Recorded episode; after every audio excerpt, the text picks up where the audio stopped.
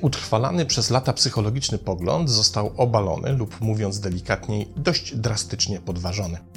Rzecz dotyczy życiowego szczęścia, satysfakcji i poczucia spełnienia, które to czynniki uznawano za zmienne w czasie naszego życia, zaś ta zmienność miała mieć charakterystyczny, wspólny dla nas wszystkich wzorzec i to niezależnie od kultury czy szerokości geograficznej. Przyjęło się bowiem myśleć, że życie Grażyny i Stefana czy Suzy i Brusa w perspektywie ich życiowej satysfakcji przybiera kształt litery U. Uznaje się, i to na całym Bożym świecie, że kiedy są dwudziestoparolatkami, ich poziom szczęścia jest stosunkowo wysoki. Oto dopiero co pojawili się w dorosłości. Mają werwę, animusz i energię, którą chcieliby góry przenosić. Stoją na granicy życia, pomiędzy jeszcze żywo tlącymi się w ich głowach młodzieńczymi szaleństwami i otwartością, a już pierwszymi możliwościami czerpania z dorosłości i tego, co oferuje. Zaczynają już korzystać z pierwszych profitów płynących z poczucia autonomii, swobody, doświadczenia życia i rosnącej ochoty na więcej. Marzenia wydają się na wyciągnięcie ręki, a świat tylko czeka, by położyć się im u stóp. Wtedy podejmują często spontaniczne decyzje, kierują się bardziej intuicją niż wyrachowaniem, zanurzają się w życiu. A jeśli to, w co się akurat zanurzyli, nawet nie najlepiej pachnie, to i tak wolą myśleć, że to truskawkowy kisiel, a nie betonowa wylewka. To taki rodzaj tańca, w którym wszystkie kroki są dozwolone, a nawet najfajniejsza muza w nim kompletnie nie przeszkadza. Jednak z biegiem czasu kisiel zaczyna gęstnieć i sam taniec traci wigor.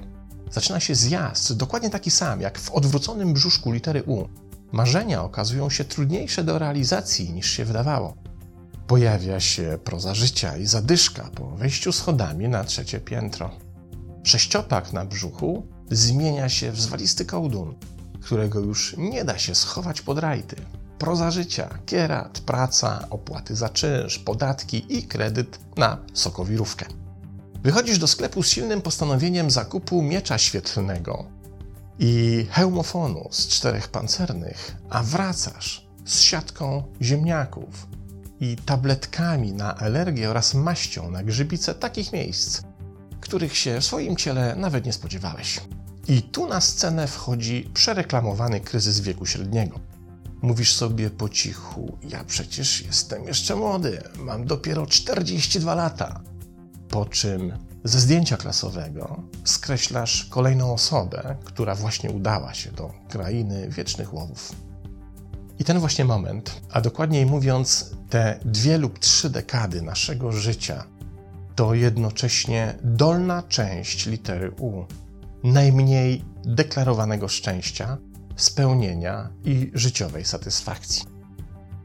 Co po niektórzy desperaci próbują jakoś przetrwać ten dołek, zachowując resztki godności, kupują motocykl.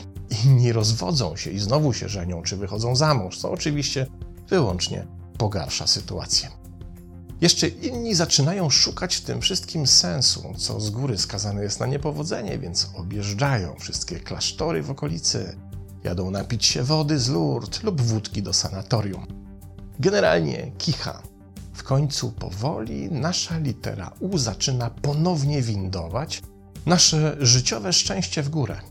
Niezależnie od tego, czy udało się znaleźć sens w Lourdes czy w sanatorium, w chromowanym motocyklu, czy też nie udało się go znaleźć, nasza życiowa satysfakcja zaczyna rosnąć.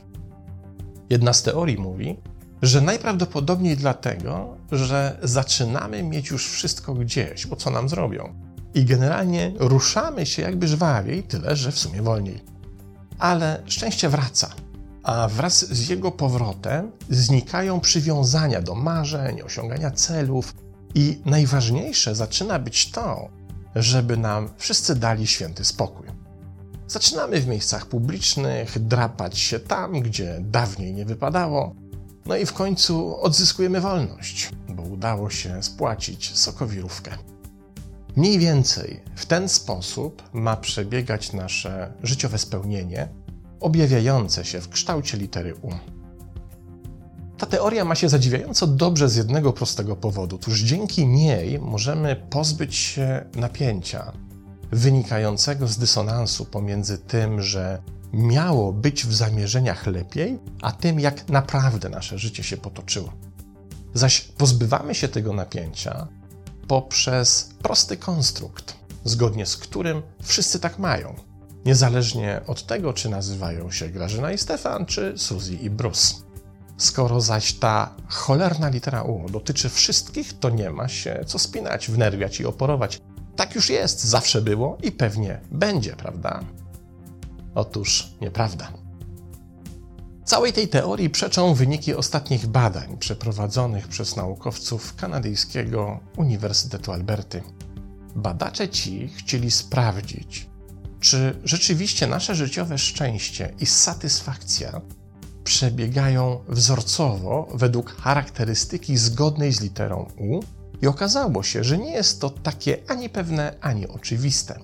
Na przykład spora część badanych w zaawansowanym wieku wskazywała, że ich najszczęśliwszy okres w życiu przypadał nie na lata młodości i zaawansowany wiek dojrzały, ale właśnie na wiek średni, czyli ten sam, w którym podobno przechodzimy największe życiowe kryzysy.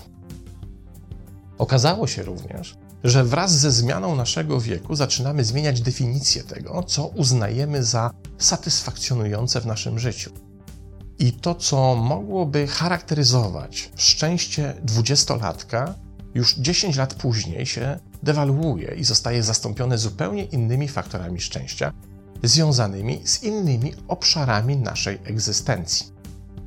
Kanadyjscy naukowcy zwrócili też uwagę na ciekawy aspekt. Otóż szczęście życiowe, co wynika z badań, nie jest kategorią jednowarstwową, a to oznacza, że możemy uznawać jakiś obszar naszego życia za pełni satysfakcjonujący, podczas gdy inny obszar w tym samym czasie naszego życia uznajemy za daleko odległy od definicji naszego szczęścia. Czyli dla przykładu, Stefan może być całkowicie spełniony i szczęśliwy zawodowo, podczas gdy w swoim życiu rodzinnym uznaje się za zupełnie niespełnionego, niezrealizowanego i generalnie nie na swoim miejscu. Grażyna dla odmiany może czuć się absolutnie szczęśliwa i spełniona w swoim związku i jednocześnie cierpieć na kompletny brak zawodowej satysfakcji i to w tym samym czasie. Uogólnianie więc szczęścia jako nadkategorii obejmującej całą naszą życiową aktywność jest więc błędem. A przecież dokładnie takie uogólnienie jest fundamentem naszej nieszczęsnej litery U. Ale to nie jedyny wniosek z tych, moim zdaniem, arcyważnych badań, które stają się zalążkiem zmiany naszego postrzegania trajektorii życiowego szczęścia. Okazało się dodatkowo, że istnieje inny, silny związek pomiędzy odczuwaną satysfakcją życiową i dotyczy on naszej życiowej ścieżki. A mówiąc inaczej, to właśnie ścieżka, jaką obieramy w życiu, jest głównym determinantem naszego docelowego poczucia szczęścia i spełnienia na każdym z jego etapów. I co więcej, charakter tej ścieżki nie ma nic wspólnego z posiadanym majątkiem, popularnością czy pozycją społeczną. Za szczęście odpowiedzialna jest nasza synchronizacja z predyspozycjami, chociaż samo słowo predyspozycje nieco zawęża cały aspekt tego zjawiska. Spróbujmy tutaj użyć metafory delty rzeki, żeby zobrazować tę ideę. Otóż wyobraźmy sobie takie właśnie ujście do morza sporej rzeki, która już na kilka kilometrów przed morzem rozgałęzia się na szereg wijących się odnóg. Jedne są większe, inne mniejsze, jedne bardziej wymyślnie pozawijane, zaś inne mniej. Jedne płytsze, inne głębsze, jedne z przeszkodami i kaskadami po drodze, a inne spokojne i bez niespodzianek. Jeśli chcemy się przedostać przez te kilka kilometrów do morza, to możemy to zrobić na kilka sposobów. Na przykład możemy iść brzegiem któregoś z ujść ale podróż będzie nieco męcząca i nigdy nie wiemy, czy to ujście, przy którym podróżujemy, nie przetnie się z jakimś innym które i tak będziemy musieli przebyć wpław narażeni na konieczność pokonania przeszkód, które mogą nas przerosnąć. W innym wariancie możemy wybrać odnogę, która niespecjalnie będzie nam pasowała i to z różnych przyczyn. Od naszych możliwości pokonania jej z małą utratą energii, po jej lokacje, które niespecjalnie nas zaciekawią czy okażą się dla nas bezpieczne. Jednak jeden z tych kilkudziesięciu odpływów rzeki jest dokładnie skrojony pod nas. Jego nurt płynie w najbardziej odpowiednim dla nas tempie. Ilość i jakość przeszkód jest skrojona tak, byśmy mogli je pokonywać z odpowiednio wyważonym wysiłkiem, co będzie nas wzmacniało i rozwijało po drodze. Zaś okolica będzie dokładnie taka, w której czujemy się najbardziej komfortowo i bezpiecznie. Ta jedna, jedyna opcja naszej życiowej rzeki jest do nas doskonale dopasowana i podróżując na jej falach jesteśmy po prostu najszczęśliwsi. Jeśli tylko uda nam się znaleźć tę właściwą życiową ścieżkę, to odnalezienie dzięki niej szczęścia i spełnienia będzie niezależne od tego, w jaki akurat jesteśmy wieku, jak również od tego, ile i co posiadamy oraz tego, gdzie mieszkamy. Bo kiedy podróżujemy właściwą dla nas ścieżką, do której pasujemy idealnie, jakby została stworzona wyłącznie dla nas, to cała reszta przestaje mieć znaczenie. Będziemy po prostu szczęśliwi. Gdzie tu haczyk? Aż chce się zapytać wobec ilości pojawiającego się właśnie lukru. Otóż haczyk tkwi w tym, czy uda nam się tę naszą życiową ścieżkę znaleźć. I to, co tak naprawdę najciekawsze w tych badaniach, to to, że nasza pogoń za szczęściem, kiedy u jej celu stoją finanse, wyśniona relacja, posiadanie dzieci, domu z ogrodem i sokowirówki, może często prowadzić donikąd. A zatem warto tę energię, którą angażujemy w gonienie szczęścia, zaangażować w szukanie tej jednej, jedynej, odpowiedniej ścieżki. A kiedy to się stanie, to wszelkie teorie życiowego szczęścia z literą U w tytule możemy sobie z czystym sumieniem odpuścić. Pozdrawiam.